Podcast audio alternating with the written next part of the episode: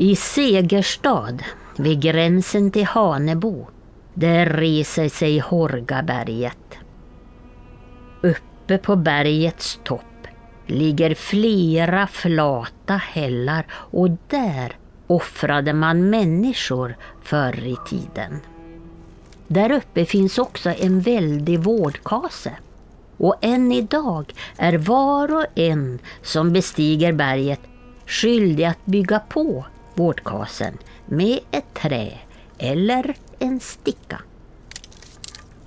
Man minns inte längre när kasen tändes upp och lyste uppe på berget för sista gången för att varna folk när stora och gemensamma faror hotade. Men skromtar gör det än där uppe. Och i nattlig stund kan man höra stygga läten där uppifrån. Såg inte 69 vid Livkompaniet en dödskalle kullra ner för berget hoppande från trätopp till trädtropp Allt under det ständiga upprepade hemska ropet Uji, uji, uji. Det är hemskt där. Men det är inte underligt efter vad som där har skett i forna dagar. Det här är berättelsen därom. I Horgabyn nedanför berget hölls ett okristeligt leverne med både dans och dryckeslag. Det var dans där en lördagkväll. Klockorna som ringde in sabbaten varnade högtidligt. Helga din själ, sabbat går in. Helga din själ, sabbat går in. Men ingen i det vilda sällskapet i dansstugan brydde sig om att lyssna på något sånt. Nej, allt vildare gick dansen. Allt högre göd ederna och allt djupare tömdes ölkrusen. Till sist kom en främmande man in i dansstugan och erbjöd sig att spela för dem. Ja, det ville de ju alla och främlingen han stämde upp en polska vars make ingen hört förr. Och ve den som får höra den.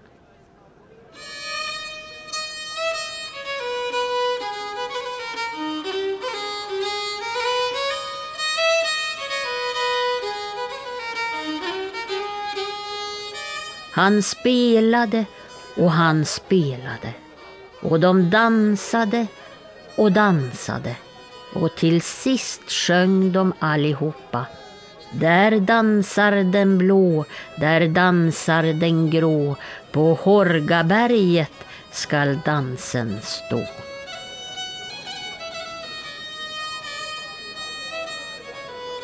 Dagen grydde. Ännu fortgick dansen med samma vildhet. Åter ljöd kyrkklockorna och manade Kom till Guds hus, kom till Guds hus. Men ingen mer än en flicka lyddes därtill. Hon slet sig ur ringen och kastade sig nästan andlös på bänken. Då dansringen rusade förbi henne försökte hon rycka sin fästman därifrån. Men hans arm slets av och stannade i hennes hand. Och nu rusade hela sällskapet med spelmannen i spetsen ut ur stugan, bort över bäcken och upp för berget. Och det var en förfärlig dans. Och där uppe på berget, där dansade de tills dess kött multnade bort från benen. Ännu dansade benranglen till dess att benen föll isär. Och till sist var det endast de vittnade skallarna som hoppade omkring där uppe i ring. Öhi, öhi, öhi.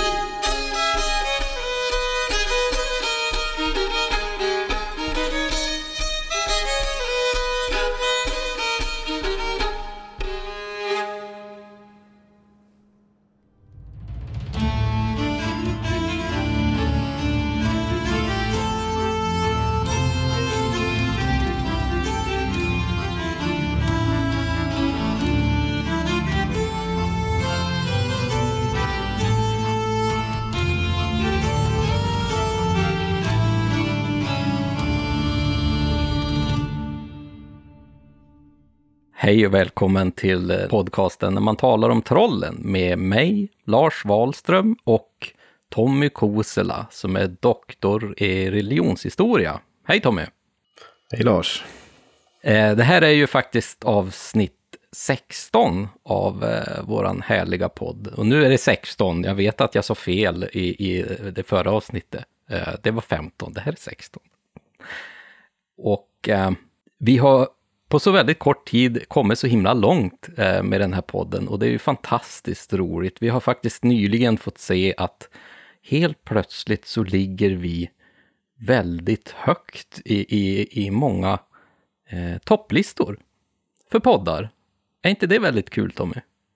Det är ju helt otroligt och det är väldigt roligt också för att det här betyder att de här de här ämnena som vi för fram och berättar om har ett stort intresse. Att det finns väldigt många som är intresserade och vill lära sig mer om folktro och myter och, och ritualer och annat då, som vi pratar om. Jag tänker att ni, ni, faktiskt vill eh, sitta och lyssna på de här eh, två gubbarna som sitter och pratar om skrock och folktro och traditioner. Men det kanske beror lite grann på eh, Eva också, som läser upp våra berättelser. Det, det ska vi ju verkligen inte förminska. Den norrländska Astrid Lindgren som många har utnämnt henne till. Ja, precis. Och kan man få ett eh, bättre epitet än så? Det, det, det tror jag nästan inte. Och det är ju så här att ni lyssnare och tittare har ju varit på oss många gånger nu. Eh, och det är ju jätteroligt om att, eh, herregud, kan man inte stödja er på något sätt? Vi har ju liksom, det här är ju våran, vårat hobbyprojekt, eh, Tommy, jag och Eva. Det här gör ju vi på våran fritid. Och det är ju så kul att vi får den frågan, för att vi är ju nog glada att ni vill bara lyssna och titta på oss. Men eh, vi har ju lite planer ändå, Tommy. Ja, det stämmer. Vi har ju funderat fram och tillbaka och eh, vad vi har tänkt på först är att vi kanske ska ändå starta en sån här Patreon som är så populärt bland många poddar idag. Och eh, i, om man stödjer oss via Patreon så kommer man ju då få möjlighet att få tillgång till eh, bonusmaterial i form av korta videor och inläsningar av Eva och, och en hel del andra saker som vi kommer fylla på med där. Så att mm. redan nu när ni lyssnar på detta eller ser på detta så kommer det finnas en Patreon-funktion att stödja oss med. Där man kan välja vilken nivå man vill gå in och hjälpa till. Precis. Och det här är ju som sagt, det är ju helt frivilligt. Och ni kommer ju alltid att kunna lyssna på de här vanliga avsnitten såklart. Det, det är ju det som vi, vi lever för, för att ni ska få, få lyssna på det här. Eh, men är man intresserad av att stödja oss så, så följ oss på våra sociala medier, ett oknytt Sverige, så, så kommer vi att prata mer om just Patreon. Men är det så att man redan nu vill tillfälligt stödja oss så har vi ju faktiskt ett swishnummer som vi har haft ett tag. Där man kan skicka ett valfritt belopp till oss. Och allt som kommer till oss går ju naturligtvis direkt till att utveckla den här podden. Och det numret är ju då 073 801 64 49. Men du Tommy, idag har vi ju ändå ett eh, ganska intressant ämne. Och vi har ju fått höra här en eh, ganska lång introtext som är då uppläst av eh, Eva. Och vad är det här för text egentligen? Det här är en version av, det finns ju många, av en ofantligt omtyckt och eh, spridd berättelse i, i Hälsingland som handlar om hur, hur ett eh, alltså byalag samlas i dans och hur djävulen kommer dit och eh, börjar spela en särskild eh, melodi då som är eh, ja, som senare har blivit Horga-låten. men som man spelar en slags, i den här versionen vi körde var den polska. Och den här gör att personerna som hör den eh, hänrycks och kan inte sluta dansa. Och eh, så leds de upp då till Horgaberget som är en riktig faktisk plats. Och eh, där så dansas de, dansar de ihjäl sig helt enkelt. Och i den här versionen står det så pass illa så att de dansar till bara, bara ben kvar, och maser de med ben, benen ner. Så att liksom, ja, det, det, det, är väldigt intressant och det finns flera detaljer i den här som vi kan kommer komma in på i det här avsnittet som är värda att diskutera. Men var den här kommer ifrån, den kommer från en tidskrift som heter Svenska landsmålen. Och den här då från 1870-talet ungefär och eh, insamlad. Och det är då eh, meddelad av en som heter Wilhelm Engelke. Så att eh, det, det, är en version av den här eh, kända sägnen, Horgasägnen då. Mm. Ja, och jag minns faktiskt den här sägnen själv. Jag läste den eh, för många, många år sedan. Jag, jag, kan inte ha varit väldigt gammal. Och jag tyckte just att den var, den var så spännande just för att helt plötsligt så fick man läsa någonting i en sån här sägen där att de dansade så att rakt fötterna nöttes ner ända ner på benet. Och jag tyckte det var så förskräckligt på något sätt. Det, det, det, är någonting som fastnar i just mitt minne där.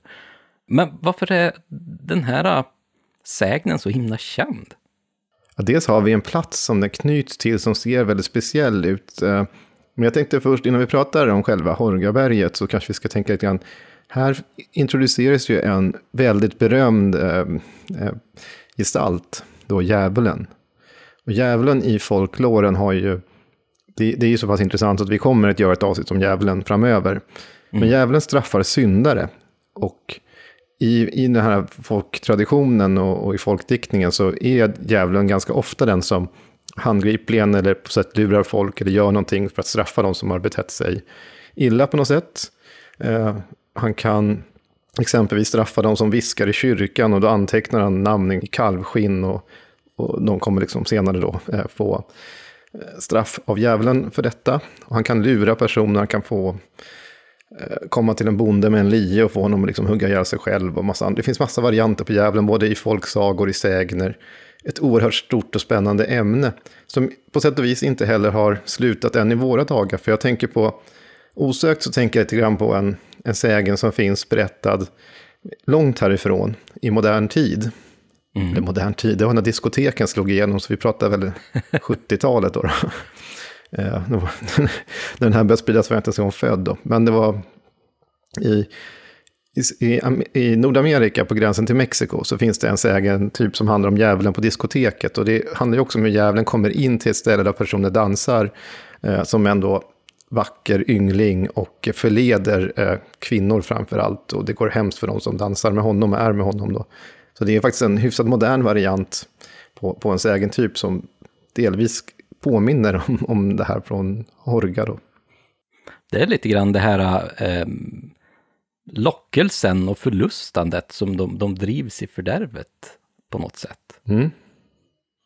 Jo, men det är ju så att dans är syndigt i kyrkans ögon. Mm. Eh, det här är ju ungdomar som samlas. Och som vi också hörde tydligt berättat i denna version, så var det inte bara så att de, de syndade på flera sätt. Ölkrusen töms ju ganska i stora mängder och ja, det, det, blir värre och värre. En, en ung flicka här, som är också intressant, räddas av kyrkklockorna.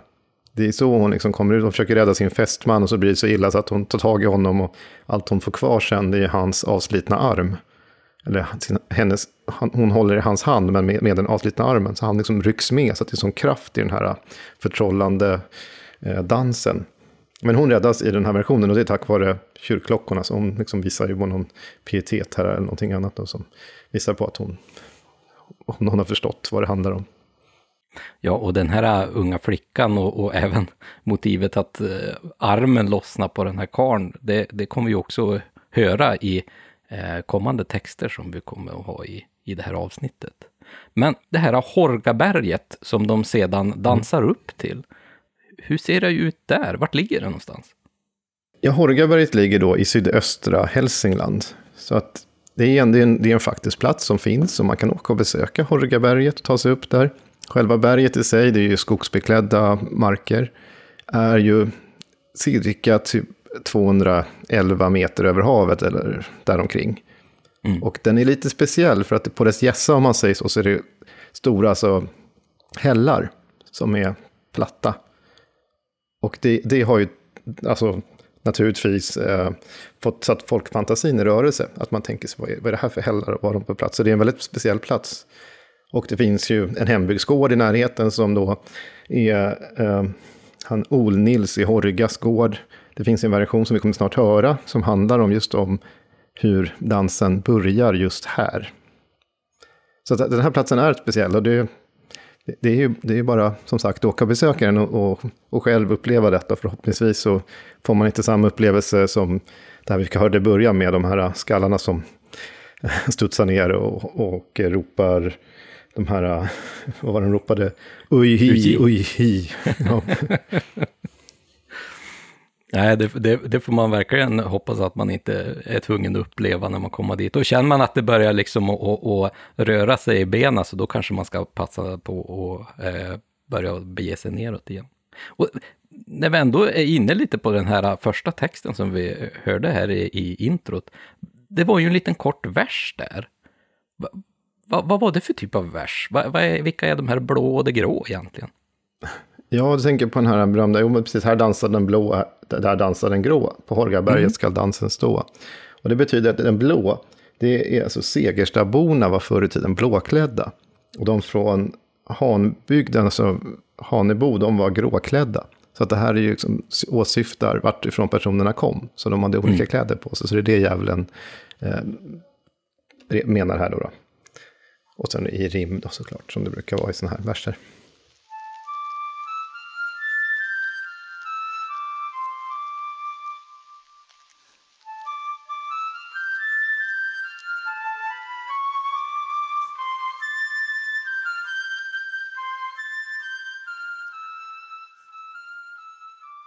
Men det är intressant där, för den här versen i olika, lite olika varianter finns ju också... Eh, den finns i flera versioner av den här sägnen. Mm. Och den kanske mest klassiker, om man säger så, ska vi alldeles strax få höra. Den är lite kortare. Och den, den här versionen är då upptecknad av en person som heter Per Nilsson som var, dog när han var 87 år gammal, 1922. Så att han, den går vi tillbaka till kanske slutet av 1800-talet någon gång. Då.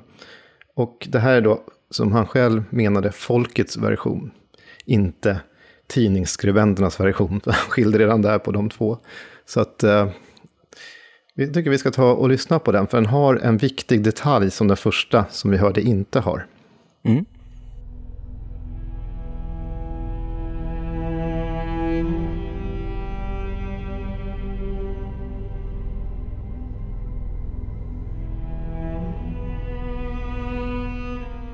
De dansade en stor böndagsnatt hos Ol Nils i Horga.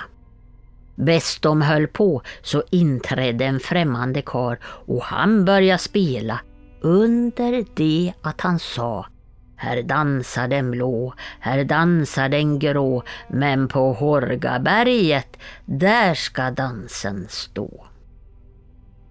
En av kararna såg då att spelmannen hade en hästfot och då förstod han vem det var. Han försökte rycka undan sin fästmö från ringen men dörren slog igen och slog av armen så att den skildes från kroppen. Och hela skaran dansade ut och bort till Horgaberget.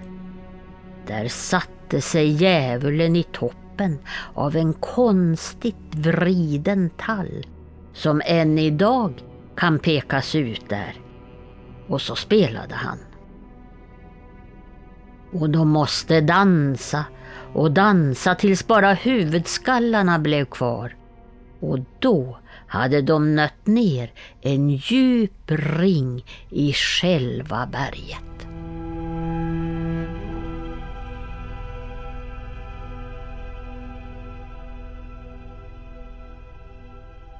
Ja du Tommy, här har vi ju många av de här motiven som vi hörde i, i den här första texten. Och eh, här var ju en grej kring djävulen som var för mig lite intressant. Eh, att eh, han såg där en bock, en hästfot. Vilket utmärkte då att det var någonting fel på den här spelmannen. Och det är ju någonting som vi brukar se här vid, vid andra väsen, till exempel som skogsrået, att de har lite djurlika eh, kroppsdelar så man kan då förstå att det här är inte en, en eh, riktig människa. Liksom. Precis, och när det gäller de här djuriska dragen, särskilt med djävulen, så kan vi erinra oss antikens Grekland och satyren och guden Pan och sådär.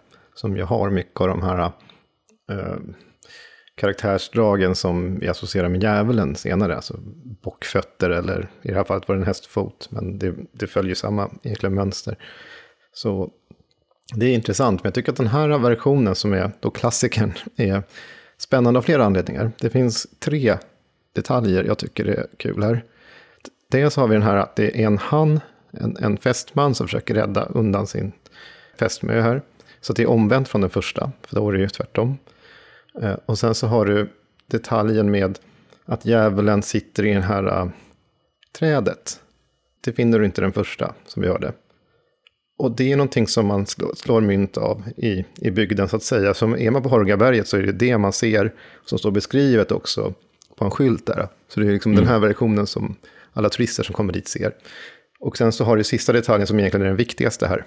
Det är att dansen i sig har alltså format, syns i hällen på berget. Du kan se spår av dansen än idag. Det kan du göra om du är där. Du ser märken i hällen som då ska vara ett bevis på att här har minsann den här dansen skett en gång i tiden. Ja, de här stackars människorna har ju dansat så att eh, det skrapar ner ända upp till kraniet. Så att det är klart, det blir ju då de här djupa ringarna då i berget där man kan se att de har dansat runt. Och det, är, det är en ruskig historia det här tycker jag. Men det finns ju uppenbarligen flera versioner av den här sägnen. Och det kanske inte är så konstigt heller när den är så himla berömd. Nej, precis. Och vi har ju ytterligare en som vi kommer höra ganska strax från Hälsingland. Och sen så ska vi faktiskt prata lite grann om, finns den här sägnen även på annat håll? Men vi börjar med den sista här. Jag ska säga också att den här sägnen, vi har inte med den äldsta versionen som är känd av den här sägnen, den är från 1785. Och det har vi en som heter kommunister Johan Gabriel Lindström i Bollnäs som, som skrev ner den. Vi tänkte att vi, vi, vi tar tre andra för att det är lite intressant också. Så nu ska vi få höra en version som är från runt 1850. Som vi känner igen flera mönster från de tidigare, men den är inte riktigt exakt likadan.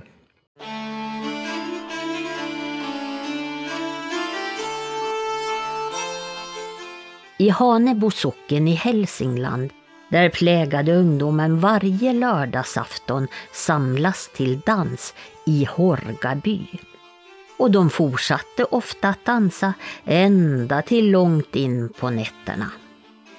En afton blev det muntra sällskapet så hänförda av dansens livlighet att inte ens sabbatens inbrytande kunde störa i deras yrande dansglädje, utan de fortsatte att dansa även sedan kyrkklockorna hade börjat ringa samman till sabbat.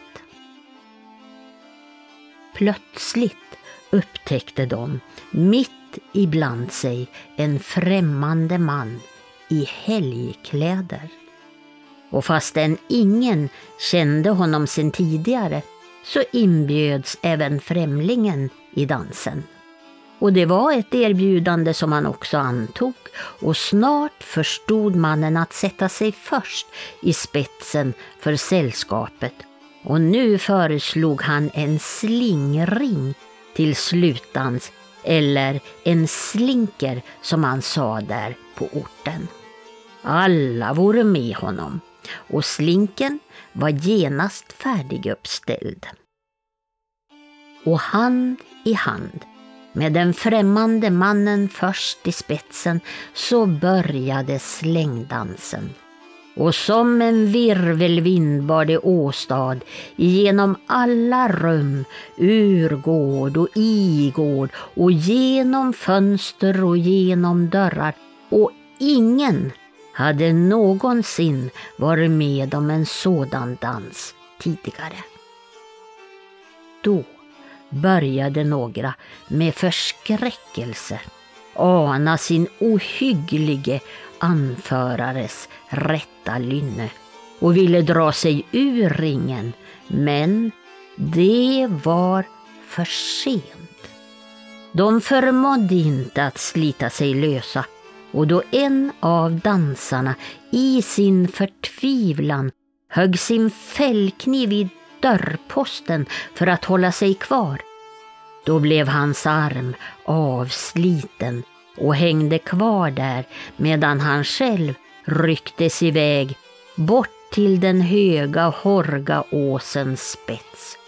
Och där, där kan man än idag se det släta granitgolvet där endast huvudskallarna fortsatte att dansa tills dess de voro helt avnötta ända upp till yttersta hårspetsen.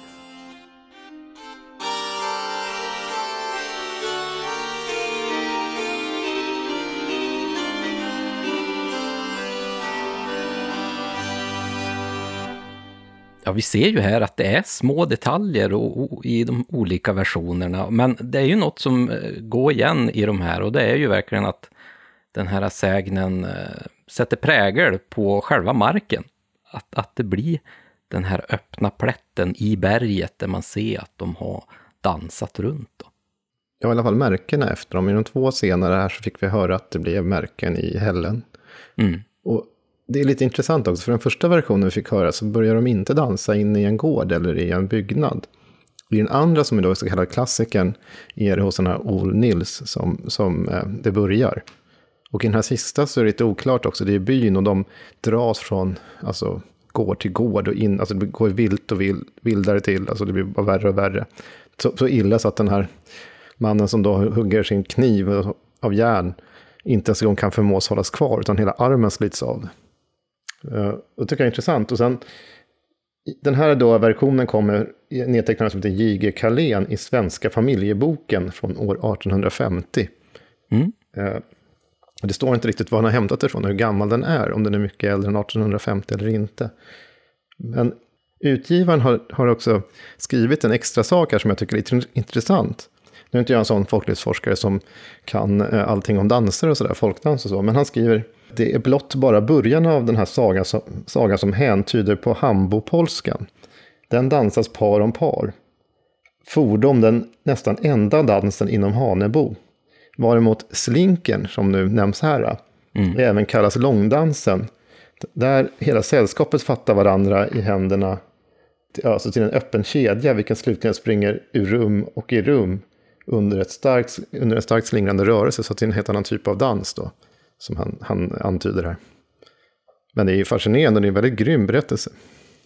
Ja, det är ju verkligen det. Och det beskrivs ju här att de, de dansar då som ett led eh, hela vägen ut. Och det som är lite intressant i de här också, det är ju att vi har ju hört här några olika beskrivningar på djävulen. Hur han ser ut, den här spelmannen som kommer in. Och här beskrivs han ju då som att vara klädd i, i helgdagskläder då. Och förr i tiden så klädde man ju upp sig till helgen. Det är inte som nu när man klär, klär av sig nästan och tar på sig ett par mjukisbyxor, utan han, han kommer ju uppenbarligen in här lite extra finklädd och det är ju något de utmärker här då. Sen är det ju också i, i vissa av de här så har han ju de här nästan glödande ögonen också som sticker ut. Men vi pratade ju lite här innan att just det är en, nästan en synd att dansa förr i tiden, i alla fall kanske ur kyrkans syn då, så då, då kommer djävulen och drar ner en till, till helvetet. Men, men vad kan vi egentligen utläsa för symbolik i de här sägnerna eftersom den har blivit så populär? Jag tycker vi kan göra ett ännu större nummer av detta. Vi kan liksom säga att den har en didaktisk moraliserande roll, den här sägnen.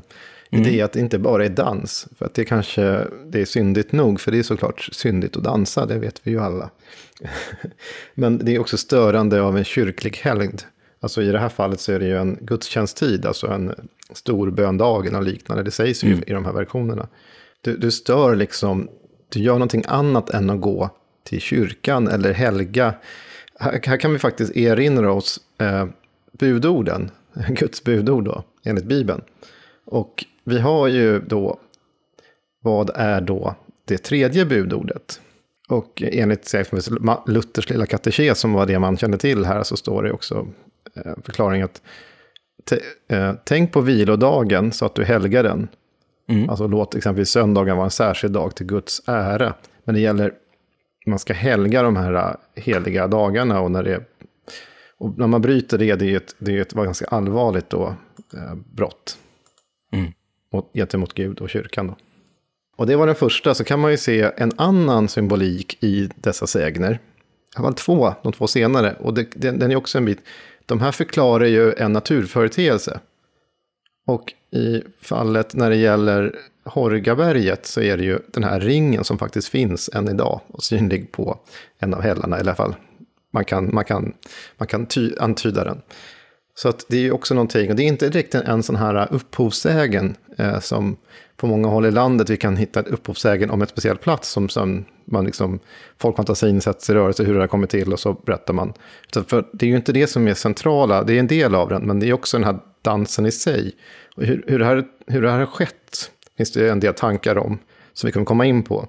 Men jag ska, in, jag ska föra in en tredje aspekt här, som är intressant, som man kan spekulera kring. Det, är, det har att göra med själva namnet Horga. Horgaberget. Och Horg, eller fornisländskas hörger, är alltså, har då betydelsen offerplats. Eller offeraltare, någonting åt det hållet. Så det kan ha en förbindelse med en gammal och förkristen kultplats. Och det här framförde exempelvis en forskare som heter Hilding Selander en gång i tiden, en folklorist.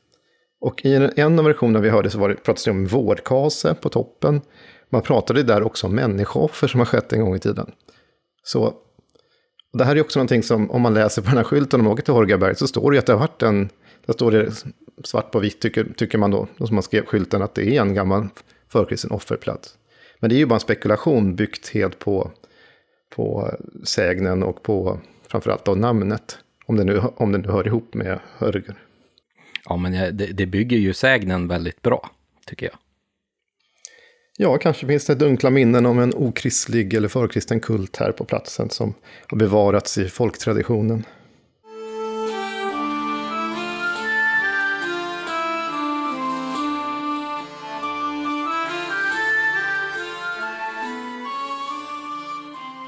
Alltså Tommy, när jag får höra den här äh, berättelserna så drar jag ju mig till minnes lite andra väsen, i alla fall här i, i den nordiska folktron, som eh, lockar ner eh, människor i fördärvet. Och vi har ju pratat i tidigare avsnitt om skogsrået till exempel, men är det inte ett annat väsen som ofta i sägnerna, eller kanske i alla fall främst i konsten, spelar fiol? Jo, det är absolut eh, en spelman eh, par excellence. Efter djävulen är ju såklart Näcken. Eh, och det är ju också Näckens polska och så där är ju välkänt att en spelman kan komma och få lära sig den här. Och det, den har ibland samma funktion, att de som hör den här då ska bli så trollbundna av den här melodin så att de inte kan sluta dansa.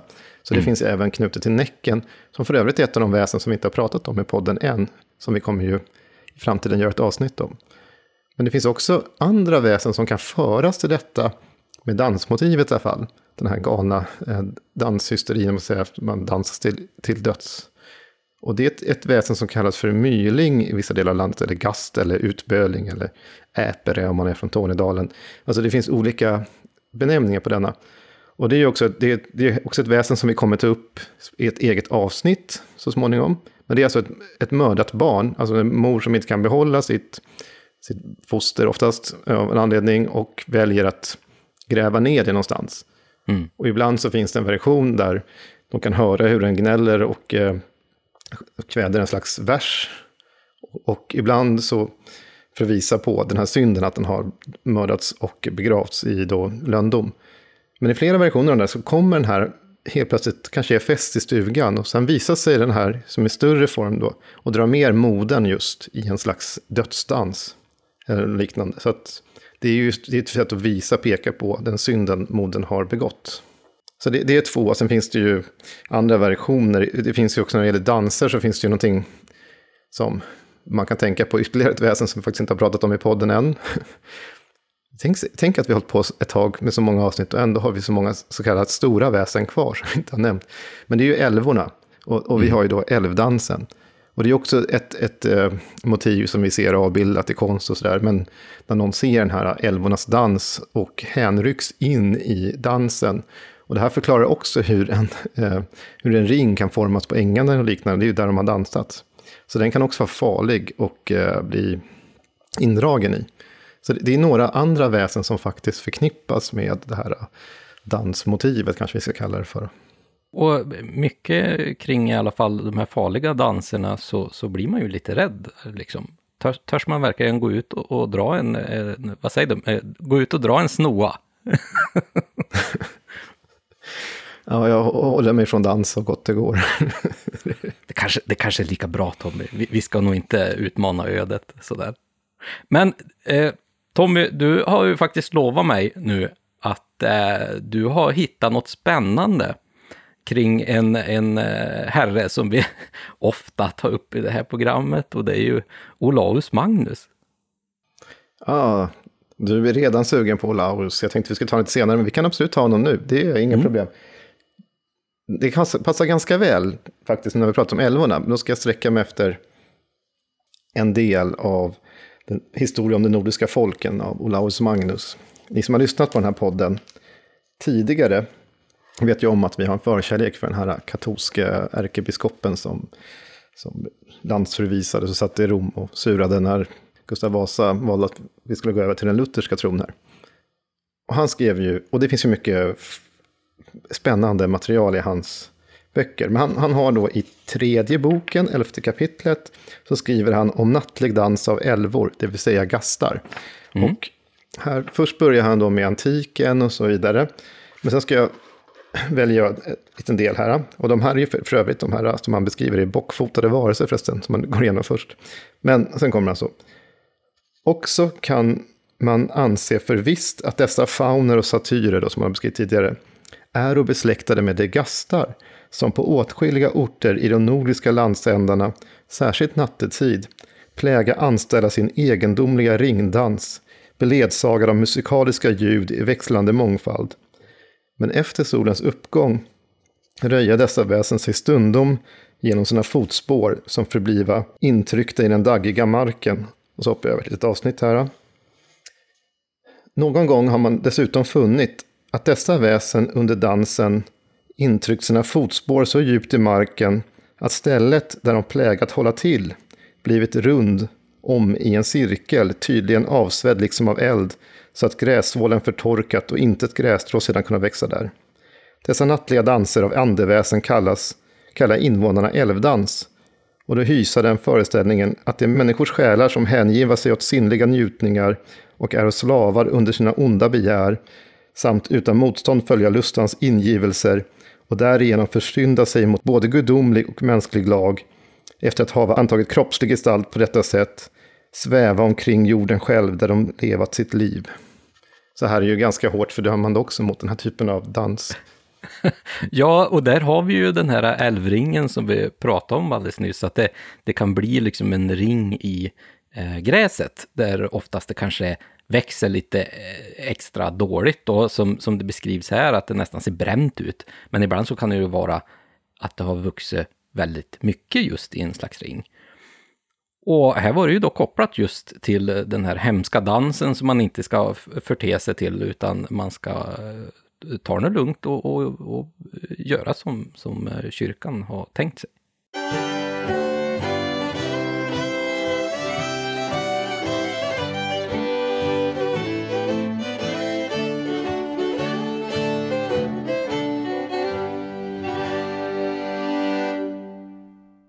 Alltså det här är ju en sägen som är väldigt knuten till just den här platsen, Horgaberget.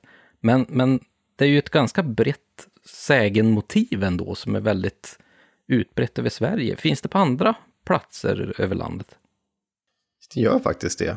Eh, det, det man pratar om Horgasägnen så visst det är ju berget Horga och det är Horga. Det är en speciell, men det finns typen, sägentypen kan, finns från annat håll och det finns från Värmland, Jämtland, Lappland, Ångermanland och även svenskbygderna i Finland finns det versioner. Jag har ett par varianter här som jag kan eh, snabbt berätta lite om. Det finns exempelvis från Jämtland finns en som heter Hacksängsdansen. Eh, och den berättar då om en samisk kvinna som vägras nattlogi i en gård där man höll till och dansade. Då hämnas hon genom att med ett magiskt medel tvinga husmodern i gården att dansa tills blodet forsar ur hennes, ur hennes mun och man måste sända bud efter en annan eh, samisk kvinna för att få hjälp. Så det är en version som finns bland annat från Jämtland. Den är inte riktigt likadan, så det är inte samma. Men så finns det, tycker Den är väldigt intressant. hemsk i alla fall. Det lät ju inte alls något trevligt att hon dansar så att det börjar blöda ut ur mun på henne. Ja, man måste då tillkalla en annan kvinna som kan samma trolldom, som kan mm. stoppa det. Jo, så finns det en, en version från eh, Värmland då, från Näs härad. Och den, den lyder så här. Det hände sig en gång vid en danstillställning på Mässviks herrgårdslag, där man dansade i en drängstuga, att en onde kom in i danslokalen. Det var en av flickorna som fick se den först, alltså djävulen. Hon slutade att dansa. När de andra frågade henne varför hon inte dansade började hon gråta och pekade åt spelmannen till. Då fick de se en stor svart hund som satt framför spelmannens fötter. Spelmannen fortsatte att spela, men ingen kunde dansa. En av pojkarna ropade åt honom att han skulle sluta spela. I detsamma gick strängarna av och spelmannen tyckte då att han såg ett rött ljus försvinna ut genom dörren. Han slog sönder sin fiol och efter den dagen vågade man inte dansa i den stugan mer. Så att den här kan man sägs höra till samma sägentyp. Men det är ju, inte, det är ju klart att det är mycket som inte är samma sak som är Horga. Men vi har ju djävulen som kommer här oinbjuden och stämmer upp med, med fiol och spelar och så att folk blir, blir förändrade på något sätt. Så det, det är ju intressant, men någonting som är ännu mer intressant i det här sammanhanget, som direkt har kanske när, mer beröring med Horga, det är att det finns gamla versioner. Mm -hmm. Även spridda här i Sverige, som faktiskt är till och med medeltida. Så jag tänker att vi kanske kan ta och lyssna på en sådan i uppläsning av Eva.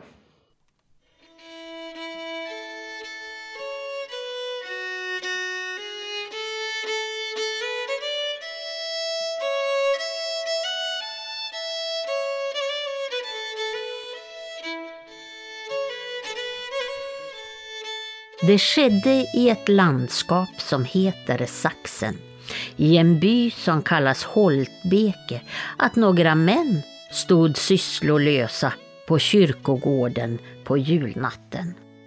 Och en av dem sa, låt oss springa lite och dansa så vi håller oss varma.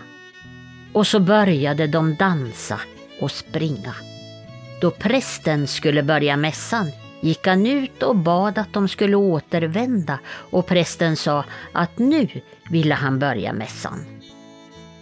Men de brydde sig inte om vad prästen sa och inte slutade de springa och dansa heller.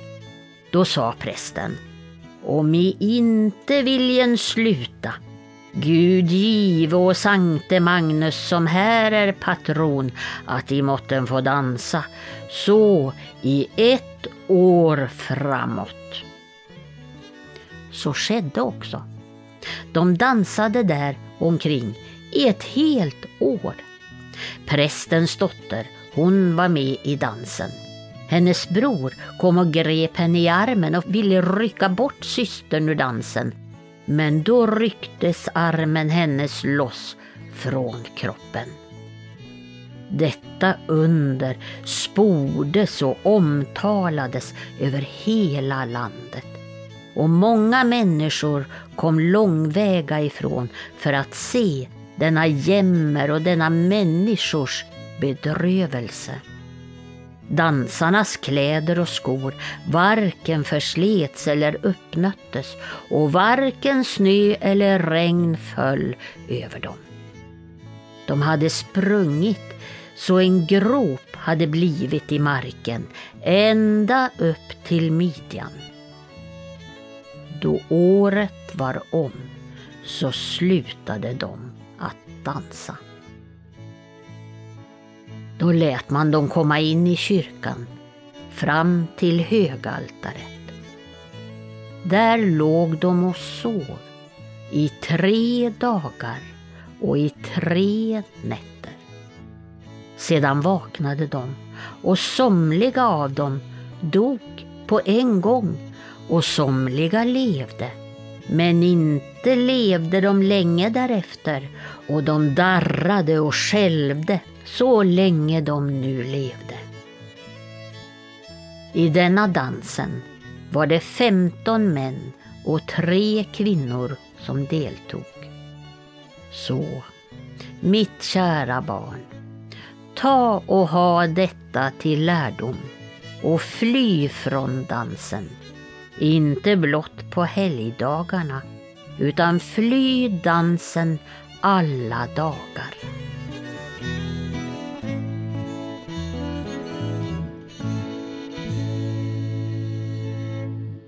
Det här var ju en, en spännande berättelse. Den här var ju lite annorlunda. Eh, det märks att den, den eh, skiljer sig lite grann ifrån den här klassiska sägnen. Vart kommer den här texten ifrån? Och hur gammal är den? Ja, det här är ju då från någonting som kallas för Själens tröst eller Själina tröst. Det är en samling av legender, berättelser och exempel som menar att belysa eh, Guds, tio Guds bud. Då. Och det här är egentligen en översättning från tyskan som, som, som översattes till svenska då på 1400-talet, andra hälften av 1400-talet. Och den har spridit sig i landet och det, som, det finns många sådana här exempelsamlingar om man säger så. Eh, och det används av kyrkan då i predikningar och sådär, predikoexempel och så vidare. Och man vet att de här har liksom funnits och spridits runt från 1400-talet åtminstone till 1600-talet. Och det verkar som, enligt en teori, är att de här, den här kan lägga till grund och sen så någonting händer här i Hälsingland.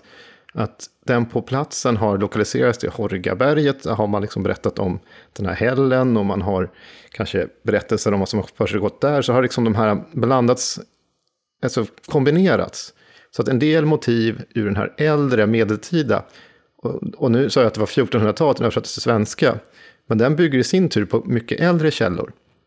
Så att jag kommer snart berätta om det också, men det finns skäl att tänka sig att den, den ännu äldre version från Tyskland föreligger här. Men, men, det som har hänt vid Horge, att man har kanske bytt ut den här kyrkogården till alltså dansgillet och man har prästen som den som förbannad har bytt ut mot djävulen och sådär. Så att det finns en del saker som har förändrats. Eh, störandet av mässan har ersatts av störandet av helgfriden och prästens förbannelse då som jag sa har ersatts med djävulen och lite andra detaljer. Men jag, ska, jag har hittat en, en version som det, det, skrivs om av en forskare som heter Dag Strömbäck. Mm. Som var lite grann av en nordist var han från början, men han höll på med religionshistoria och eh, folkloristik också. Och han har tänkt sig att det finns en tysk version som kommer från Kölbik i Sachsen-Anhalt.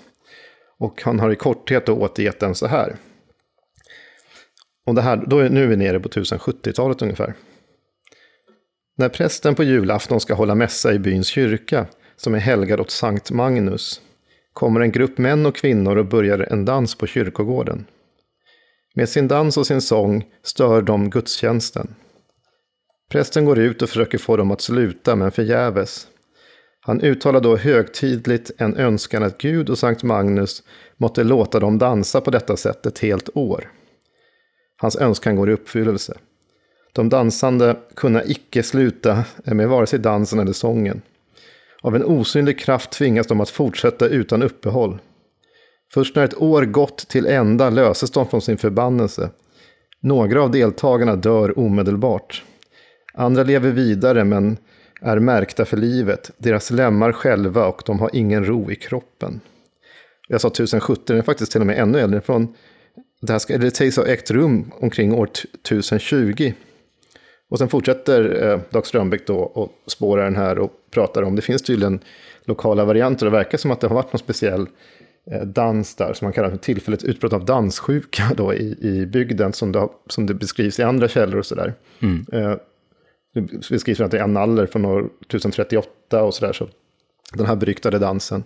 Så den har ju förmodligen gett upphov till liksom en sägenbildning och på sikt, långt senare, jag sa 1785 med en Elsa kända av Horga, så drygt 700 år senare så får vi en utbildad version i Hälsingland som förmodligen kan bygga på den här tyska eh, sägnen i, i grund och botten, alltså på sätt och vis. Och sen har den liksom omformats eh, efter då lokala förhållanden för att passa in.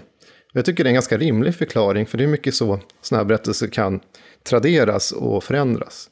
Sen finns det ytterligare en detalj som är intressant i sammanhanget. Jag nämnde de här predikoexemplen som fanns då, ja. medeltiden. Och ett par av dem, alltså som berättas i de här samlingarna, kan man också spåra i exempelvis i kyrkomålningar i Uppland. Så att, att de har spridits, inte just Ansta på det sättet, men att de har spridits, de här predikoexemplen har haft en, en förankring och varit kända bland folket. Det syns ju ganska tydligt då ibland via de här målningarna.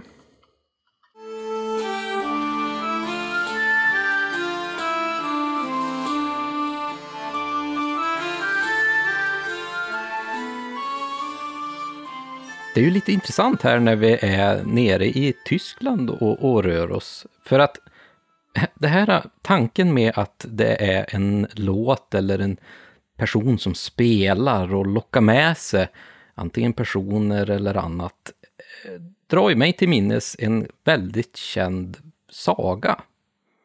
Och det är ju den här eh, råttfångaren i Hamlen. Då är det väl en, en råttfångare som får i uppdrag att eh, tvinga ut eh, eller fånga en massa råttor i en stad. Och då har han då sin flöjt och spelar och då följer råttorna med honom och han lockar ut dem och så att råttorna då till slut hamnar ner i en å eller en älv. Och i vissa versioner så då är det ju då att han, han kommer tillbaka för att få sin betalning då av den här borgmästaren. Men han säger att nej men det, det, det kan vi strunta i, du får inte betalt. Och då blir ju såklart den här råttfångaren förbaskad och eh, börjar spela på sin flöjt igen. Och då kommer alla barn ut ur husen och börjar följa honom. Och så lockar han ut dem ut ur staden och de ser aldrig barnen eller råttfångaren igen. Och det är ju ganska intressant för det, det är ju en gammal saga. Det är jätteintressant och den har faktiskt förts till just detta. Att det är, det är ett liknande, åtminstone motiv. Att, den, mm. att det är musiken som, som förtrollar folk och man kommer inte loss från den här äh, förhäxade dansen som gör. Och, och den kan leda till, till, till död då, mm. i, i, en del fall. Så att visst, det, det, den, den är absolut värd att äh, nämna i det här sammanhanget. Och nu när vi ändå är inne på det här med musiken så har vi ju just det här med Horgalåten och dess mängder av versioner. Vi fick ju faktiskt höra en version här redan i introt som eh, vi har spelat in tillsammans med Isak Eriksson från Härnösand. Eh, som har spelat då en version av Horgalåten. Och en liten eh, rolig detalj här när, när vi spelade in så fick jag reda på att han, hans fiol som han har, eh, han är den sjätte generationen som spelar på den här eh, fiolen. Det var jätteläckert. Den här fiolen är över 200 år gammal. Så att eh, det finns nog säkert lite magisk eh, inspelning i den också. Du vet, du vet väl att det finns trollfioler också som i folk, folktraditionen? Ja, jag, jag som inte kan spela kan ju säga att jag satt där i alla fall eh, lite förtrollad när jag fick se han eh, spela, så det var ju fantastiskt.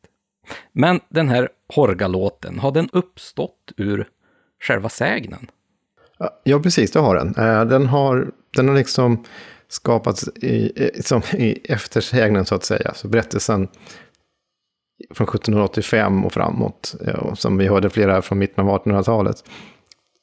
Den här eh, melodin och folkmelodin har senare uppkommit. Av vem är väl lite omtvistat. Det finns ju beskrivningar av olika då, lokala eh, spelmän som skulle kunna ha varit eh, upphovsman. Mm. En som jag hör, hörde var en känd person som kallas för Hultkläppen, som en del har menat kan vara den som skrev den. Eh, men det, det, är ju väldigt, ja, det vet jag inte så mycket om själv. Men det, det, jag vet däremot som är intressant i sammanhanget, inte minst i de här dagarna som vi befinner oss i nu, så finns det ett svenskt band som hela världen pratar om för tillfället. Vet du vilka jag tänker på? Nej, jag har aldrig hört talas om dem. Visst är det ABBA? ja, precis. Det finns ett band som heter Hootenanny Singers. Och de gjorde bland annat den här eh, Horga-låten. Och Hootenanny Singers, där spelade Björn Ulvaeus i en gång i tiden. Så de är ett band av jättemånga som har gjort en version av eh, Horga-låten. Andra är de kanske Wessling Spelmän. Eh, Kebnekaise som var ett slags tidigt eh, rock, hårdrocksband på början på 70-talet. Vi har hårdrocksband som Morgana Le Fay, In Flames och så vidare som har gjort versioner av den här.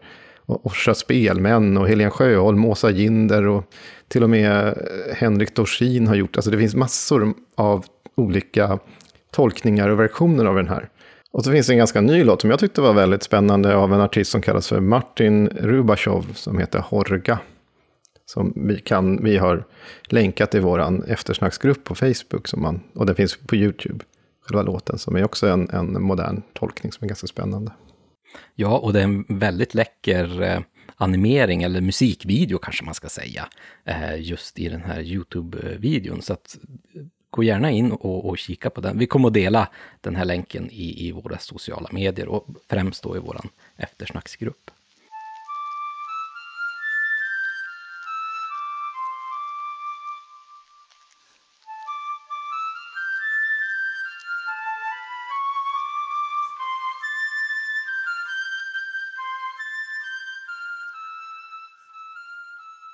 Vi har ju som vanligt en, eh, en gäst med i det här avsnittet. Och den här gången så har vi tagit kontakt med eh, Thomas från Wackenfeldt från just Hälsingland. Och jag tänkte att du kunde få presentera dig själv i det här avsnittet Thomas. Och hej förresten. Ja, hej, hej, vad trevligt. Jo, jag heter Thomas von Ackenfeldt som sagt och eh, är riksspelman på Hälsingelåtar och även forska, är universitetslektor och har forskat på svensk folkmusik under ganska många år och skrev en avhandling bland annat om det 2015. Sen har jag forskat väldigt mycket mm, i lokal folkmusik, kanske främst från norra Hälsingland, men, men även folkmusiken från södra Hälsingland är ju mycket intressant naturligtvis. Och du nämnde här att du var riksspelman. Jag tänkte att du kanske kunde förklara vad det innebär för våra lyssnare. Ja, det är väl någon sorts kravmärkning egentligen skulle man kunna säga. Det är Ja, det går till. Det var Anders, jag ska ta en kort, kort story här. Det var Anders Zorn som instiftade här, alltså den stora konstnären från Mora. Och eh, från början så var det att de spelmän som deltog vid riksspelmansstämmorna på Skansen från 1910 och framåt, de vart eh, dubbade som riksspelmän. Man valde ut eh, de bästa spelmännen från, från Sveriges alla landskap.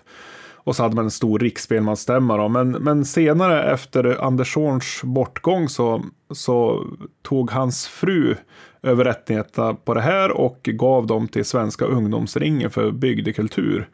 Eh, numera Folkdansringen. Och då ändrade de lite grann så att man, man spelar upp för en jury. Eh, vilket man fortfarande idag gör då nästan hundra år senare. Och eh, då går det till som så att man man ska, ja, ofta kanske man spelar sin hembygds låtar som jag gjorde, men man kan även välja att, att ta vilken tradition som helst. Eh, det är så med svensk folkmusik att det är ganska stor skillnad på, på vart man befinner sig i landet. Om det är eh, olika jämtländska traditioner eller hälsingländska eller småländska eller vad det kan vara. Och jag spelar upp till exempel på, på eh, låtar ifrån Bergsjö då, som är min hemsocken. Och då ska man spela med, med liksom rätt dialekt, för liksom eh, inom språket så finns det även dialekter inom spelmansmusiken. Då.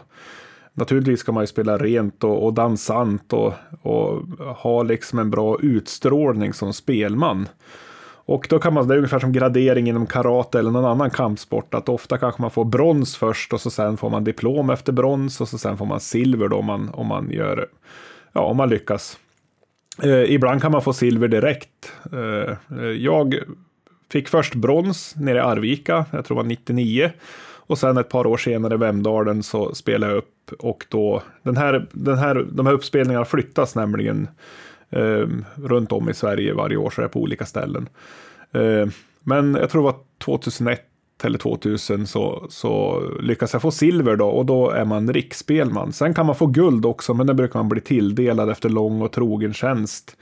Ändra som, som eh, ja, vad ska man säga, extremt skicklig spelman eller spelkvinna eller också för att man har gjort betydande insatser inom ja, folkmusikforskning på ett eller annat sätt. Då. Det är jättespännande. I det här avsnittet så har vi pratat, handlar ju om Horgasägnen och eh, någonting som såklart har utmynnat ur den här sägnen är ju Horgalåten. Och jag antar att du själv har spelat den här låten och och har du några egna reflektioner kring, kring den? Ja, alltså jag tror ganska många eh, har Horgalåten som någon sorts inkörsport till, till svensk eh, folkmusik. Eh, jag vet inte om jag ska säga att jag själv hade det, men det var ju definitivt en av de eh, första låtarna som man kände till som svensk spelmansmusik.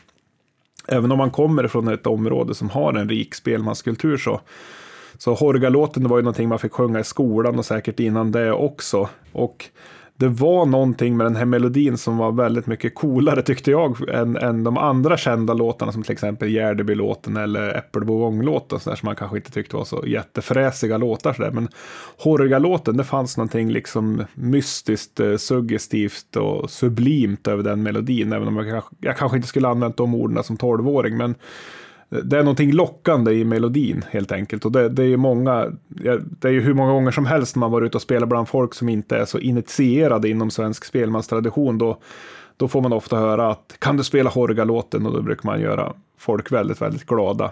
Men att den är coolare, det kan man ju absolut eh, skriva under på. Än mycket annat, så det är lite grann av spelmannens hitlåt då, runt om i landet. Och den sägs ju vara då komponerad, skriven av djävulen själv.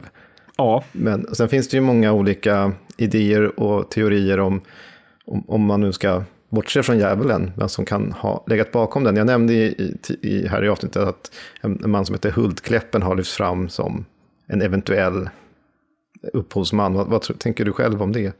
Eh, det jag, jag, är ganska säker på att Hultkläppen spelade den. Jag sitter faktiskt, eh, mitt hus där jag bor, där föddes faktiskt Hultkläppens pappa. Uh, och Hultkläppen var ju härifrån min hemby Bergsjö, så att jag har forskat. Det var egentligen Hultkläppen var ett, en av de stora anledningarna till att jag började med svensk folkmusik och att jag började intressera mig för forskning.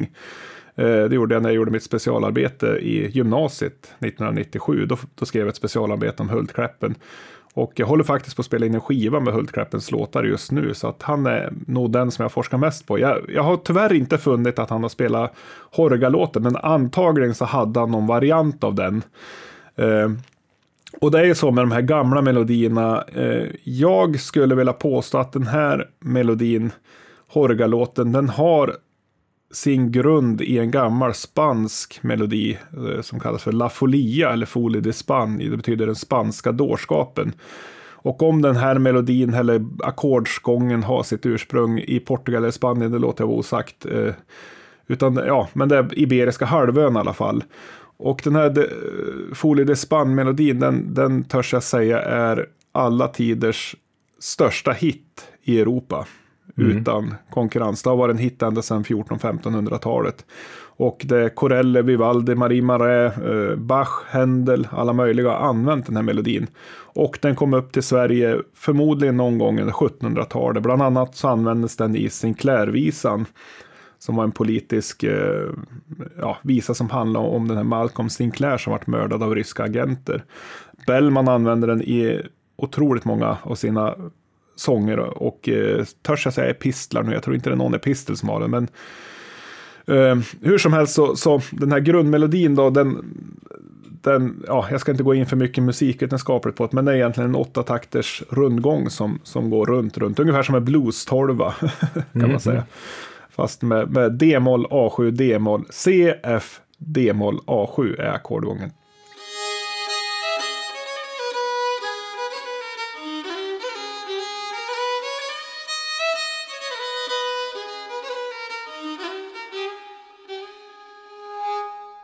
Det är ju ganska otroligt ändå, för man ser ju, vi pratade i avsnittet också om hur eh, sägnen, eller en tidigare form eventuellt, kan ha uppstått någonstans i Nordtyskland och sen har den ju rört sig uppåt via predikoexempel och sånt där. Och sen har den fått en egna form då såklart i, med Horga.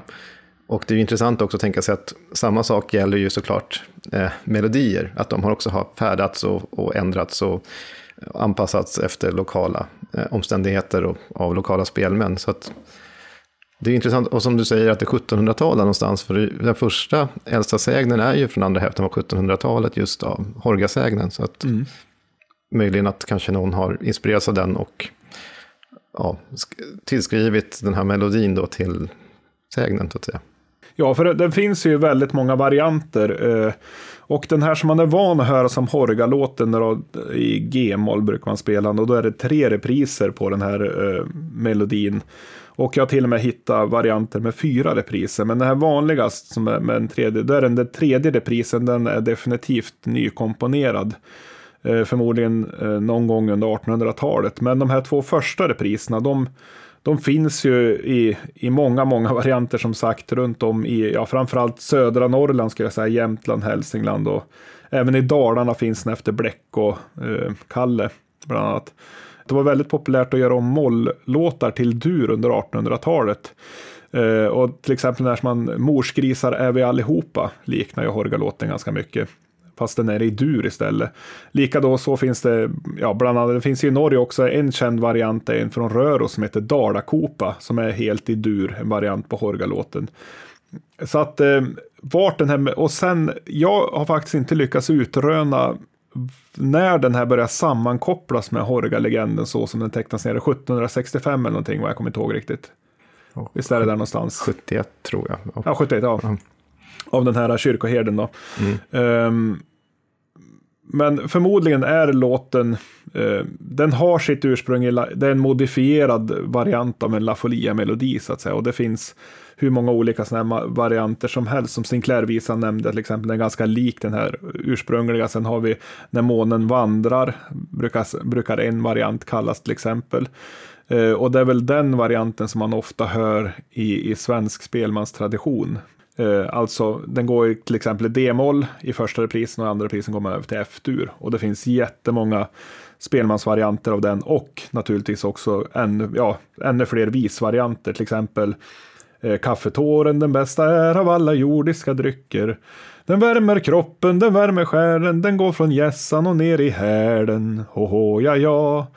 Eh, så tycker jag, såg den. det är den liksom grundmelodin då. Jag tänkte, någonting som vi i den här podden pratar mycket om, det är naturligtvis eh, de övernaturliga väsendena som fanns i, i folkliga föreställningsvärlden. Mm. Och just någonting som kopplas ihop med fiol, med spelmän, det är ju, det är ju två väsen som jag tänker då framförallt på. Det är ju Näcken, som har sin Näckens polska, som är ju lika farlig egentligen som den här mm. melodin som vi pratar om här. Och sen har du Djävulen. Mm. Och de två dyker upp. Har du några tankar du, kring det här? Varför är det här spelandet så laddat och förknippats med farliga krafter på det här sättet?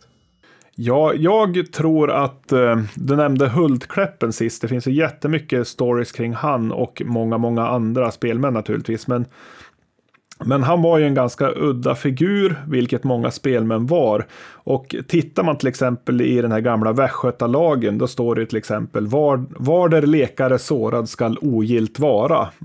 och som lekare, alltså det som ja, sedan, sedermera blir spelman, då, då, då var man ju i princip fredlös. Man ansågs inte hålla på med något riktigt. Men framförallt så tror jag att man vart ju sådana här skickliga spelmän som till exempel Hultkläppen, det berättas om han, att kom strängan mellan benen, då var det bara till att följa med, sa man. Alltså om strängarna kom mellan benen så var det bara att följa med. Han kunde till och med få vedträn och dansa.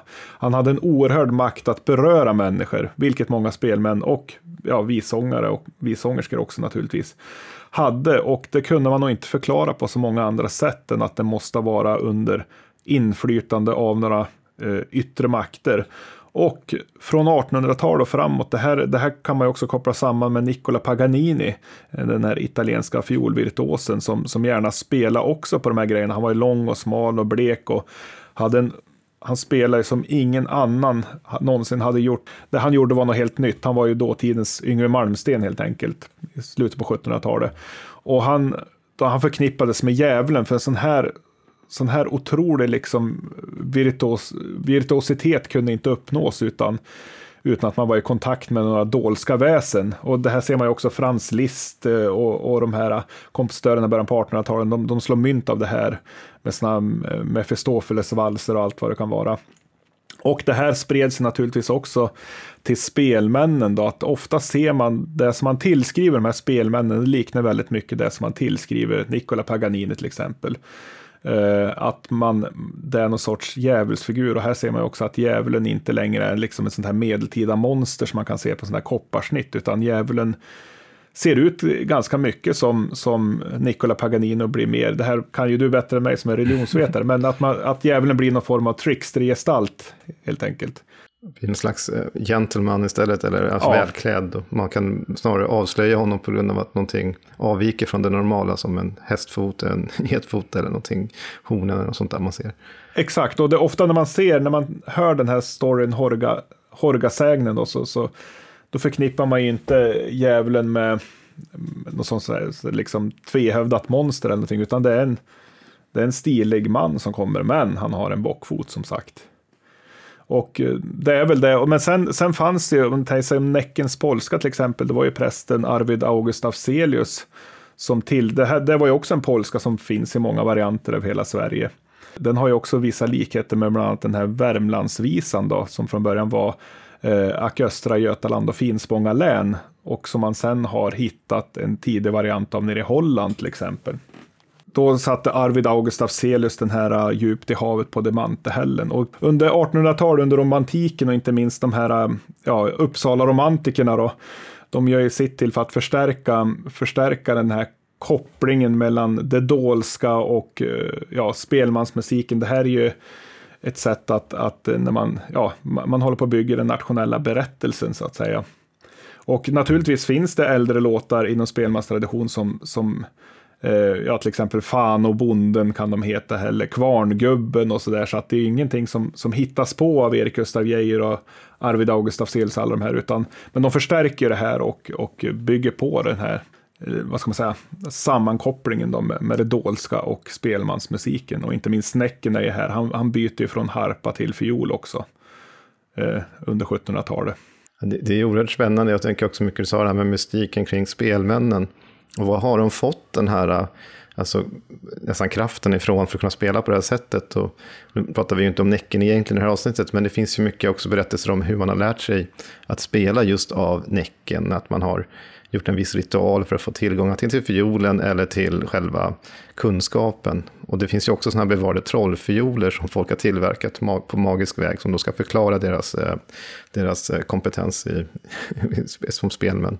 Mm. Så, så, det är ju väldigt spännande och vi har ju de här modernare också rockmyterna om Johnson som sitter och sluter ett kontrakt med djävulen för att lära sig spela elgitarr och, och den typen. Så det lever ju till viss, i viss grad kvar än, än i modern tid. Absolut, och det är samma där, det är ett vägskäl där också som, som Robert Johnson träffar djävulen. Mm. har ju gjorts en film också med Steve Vai senare som, och, och Ralph Macchio som heter Crossroads som bygger på den här legenden. Uh, och den här legenden finns ju även i svensk spelmanstradition, att man träffar djävulen i ett vägskäl eller att man man eh, träffar han eh, under en bro i en fors. Jag har till exempel bara ett par kilometer härifrån så bodde det två bröder som heter Stenspöjkarna, eller de kallas det efter deras pappa då. Och de var skickliga spelmän och eh, de gick ju den här vanliga berättelsen av tre torsdagnätter under, ja det som är Bergebron heter det då, fortfarande här i Bergsjö. Och, och, fick sin konst. Och då skulle man ju, det finns olika varianter av det här, men man skulle offra sitt blod på något sätt, offra oftast tog man sitt högra lillfinger. Och det förklarar också, när man tittar på gamla spelmän hur de håller stråken så ser man ofta att lillfingret sticker upp. och att man håller stråken med, med tre fingrar och tummen då. Eh, och det var en förklaring till att, att de hade offrat blodet till djävulen från lillfingret då.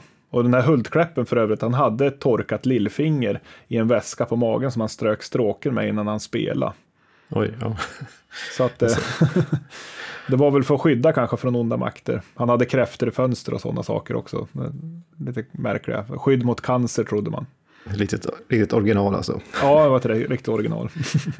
Ja, Thomas, vi får tacka dig så hemskt mycket för att du kunde ställa upp och vara gäst i, i det här avsnittet om, om Horgasägnen och nu om Horgalåten också. Ja. Får vi, tack så hemskt mycket. Förresten, idag är det Hultkläppens 187 födelsedag. Är det det, den 9 september? Jajamän, Ja, så det passar bra. underbart. passar bra. Ja, tack så jättemycket. Tack själv.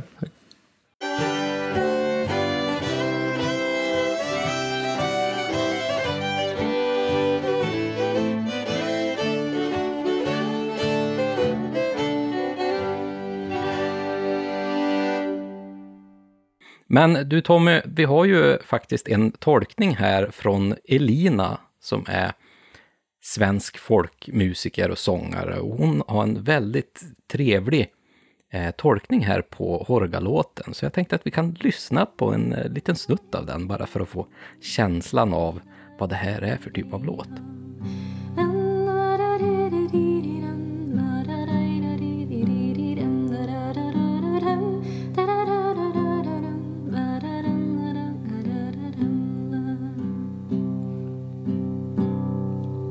Spelmannen drog fiol ur lådan och lyfte stråken högt mot söndagssolens kula. Då blev det fart i folket. De glömde Gud och hela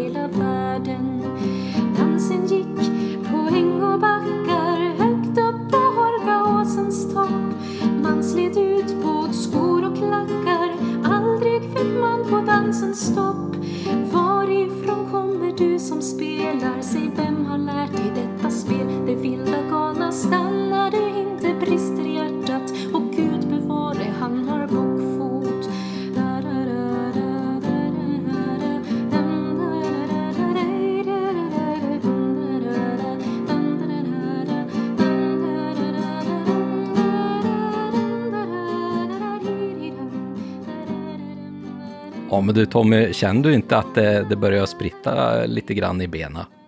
Man, man vill börja röra på sig sådär.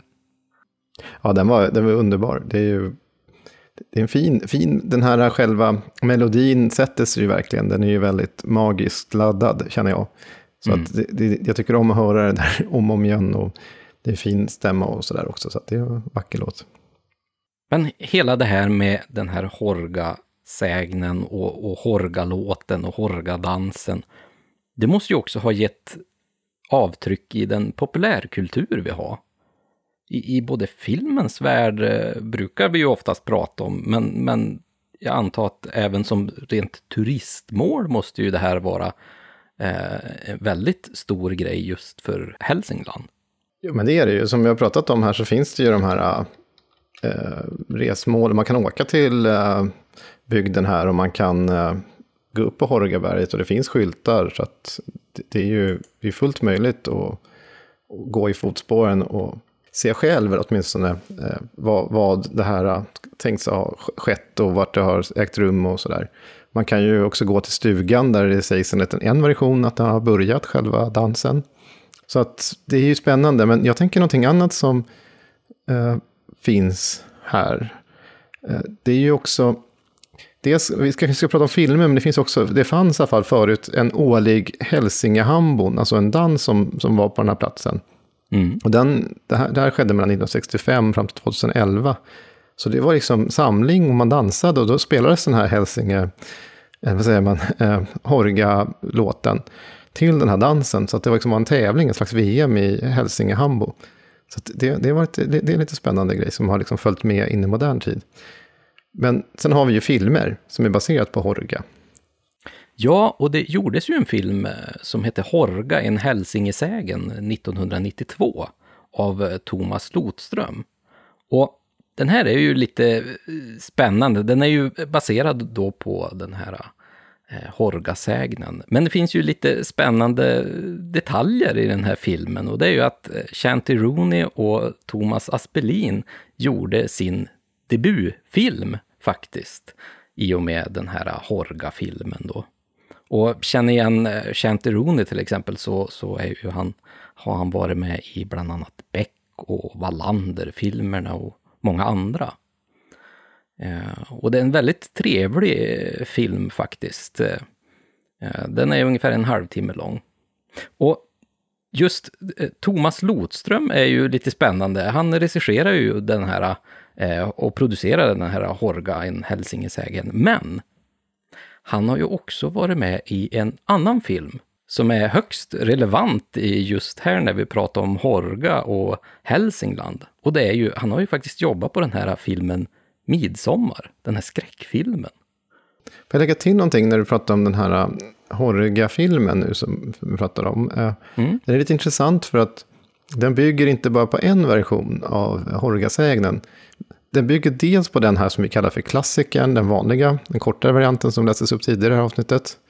Men också på en annan, annan sägen där en person som är Halte Josef ser vad som sker, fast utifrån. Så att han, han är också så att säga med i filmen. Så att jag, tycker, jag tycker det är ett intressant sätt att föra samman två eh, alltså, versioner av sägnen till en, i en film på det här sättet.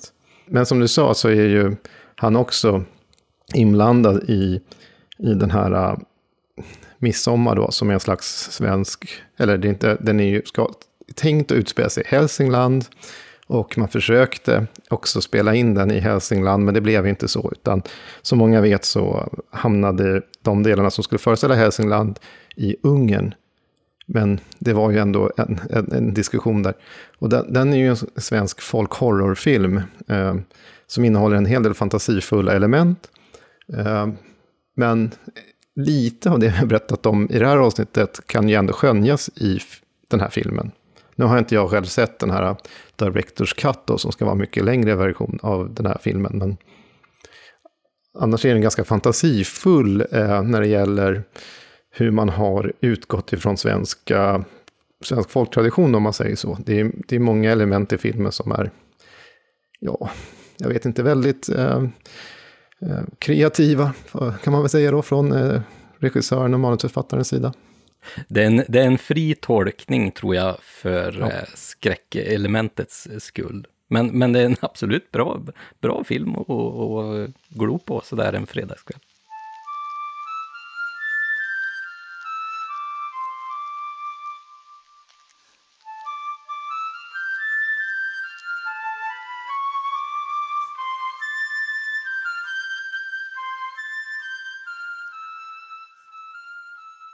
Ja, hörde du Tom, det här var kanske ett eh, lite kortare avsnitt än vad vi brukar göra.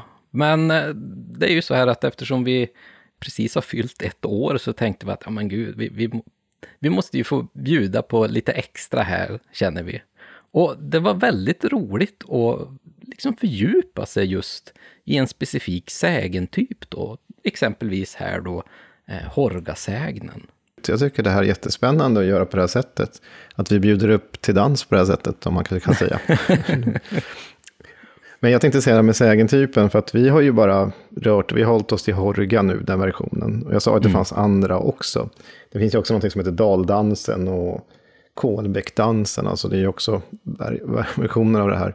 Sen har vi den här internationellt kända, alltså danssägnen ATU 779E, skulle vi säga inom forskningen. Ja, Jag tror vi det- hittar ett kommer bättre från namn en- till just den. Men det, kommer från en bok som man har samlat då sägentyper och sen så har man ett nummer. ATU står för efternamn på de som var med och grundade det här. Arne Thomsson Utter och sen så är det ett nummer. Men jag tänkte, jag tänkte bara för att eh, vi ska förstå att det här med att djävulen dyker upp och i ett danssammanhang eller spelar fiol eller någonting. Att det finns många versioner på det också, olika sägentyper. Det finns ju den kändaste och den främsta svenska folkloristen är ju Bengt af Klintberg.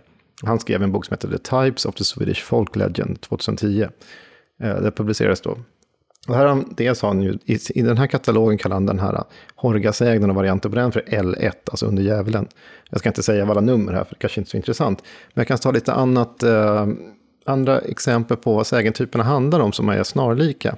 Mm. Och då finns det en som är känd i Östergötland, Värmland, eh, eh, Gästrikland och Ångermanland exempelvis och Jämtland. Och det handlar om ungdomar som samlas under sabbaten, eh, som dansar under sabbaten kan inte sluta dansa. Och deras skor alltså, blir så slitna så att de bara blir till bitar och de fylls med blod. Och då sänds en, eh, en präst eller någon liknande dit och eh, bryter den här förtrollningen. Så att det är en liten variant. Så den finns ju också som en en sån här version. Och så finns det en när djävulen ersätter alltså spelmannen. Och det är också en sån här danslog eller något liknande. Så kommer en, en främling dit, till dansrummet då. Tar eh, fiolen från spelmannen och börjar spela. Och då är det en som ser att den här främlingen har eh, bockfötter eller, eller, häst, eller hästfötter. Mm. Och den har olika slut, men den är känd i Västergötland, Värmland och svenskbygderna i Finland. Och sen har vi en, som jag nämnde förut från Värmland, så är det här med en svart hund som kommer. Att en person ser en stor svart hund bland dansarna. Ibland ligger den under ett bord, ibland vid fötterna till själva spelmannen. Och förstår då att det är djävulen och varnar de andra. Då, sta, då sta, äh, eh, slutar dansen och äh, spelmannen slår sönder sin fiol. Vi hörde den från Värmland, men det finns även från Småland och Halland och Västergötland och Bohuslän och Dalsland och Närke och Norrbotten. För att ta exempelvis.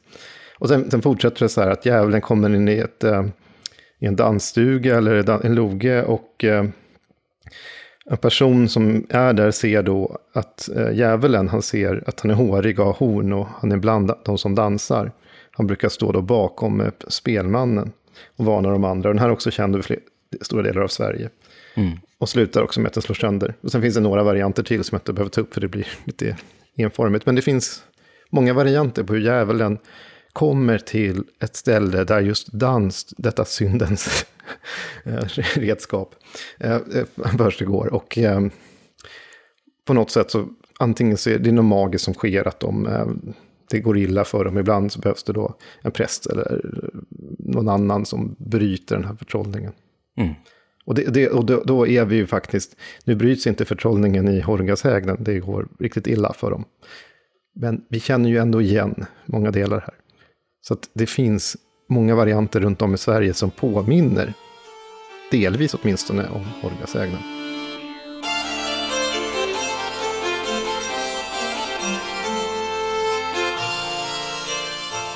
Ja, det tycker jag är riktigt bra avslutande ord just på det här avsnittet. Och vi kan ju ett lova att vi kommer definitivt att göra ett avsnitt om djävulen. det är efterfrågat. Eh, och sen, hör gärna av er. Ska vi göra fler sådana här eh, liksom fördjupningar i olika sägentyper? Det är ju jättespännande, för eh, som du har sagt här, det finns ju enorma mängder. Även om jag eh, gärna vill sätta titeln på de här. Jag vill inte ha några siffror i våra avsnitt, Tommy. Du, du får hålla tillbaka din, din eh, forskningsbakgrund. Nörderi. Då får vi väl kanske tacka för oss den här gången. Som sagt, kortare avsnitt. Men ni behöver inte frukta för det, för att framöver så kommer det många fler spännande avsnitt, eh, både flera livepoddar men även våra traditionella vanliga avsnitt. Och som vanligt så får ni ju jättegärna följa oss på våra sociala medier, både på Facebook och på Instagram, där vi heter oknytt Sverige. Och Tommy heter ju Suttungsbro på Instagram. Och sen har vi ju den här underbara Facebookgruppen när man talar om trollen eftersnack, där vi pratar om folktro och om avsnitten och där ni kommer med tips på vad ni vill att vi ska prata om i, i det här programmet. Och sen kan jag ju också påminna igen då att eh, vi har faktiskt eh, börjat titta på en liten eh, Patreon-lösning för just er som vill stödja oss i vårt arbete med den här podden som vi, vi gör på våran fritid helt enkelt. Och såklart, det, det, finns ju redan nu möjlighet om man vill eh, hjälpa oss i vårt arbete och det är ju att vi har ju då ett eh, swishnummer där man kan få eh, bidra med en valfri summa. Och det numret är ju då 073 801 64 43. Men Tommy, då får jag tacka för den här gången. Så får du ha det så fint i Uppsala där du sitter så ska jag ha så fint här uppe i Örnsköldsvik, där jag sitter. Hej då Tommy! Hej då! Podden är producerad av Oknytt Nordisk Folktro och Mytologi och intromusiken är producerad av Mark Jungerman.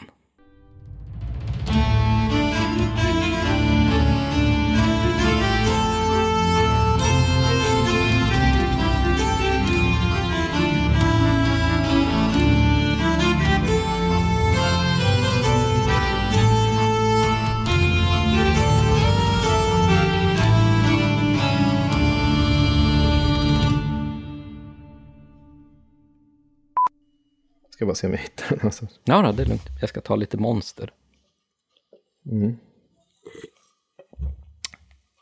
Podden När man talar om trollen är sponsrad av Monster Energidryck.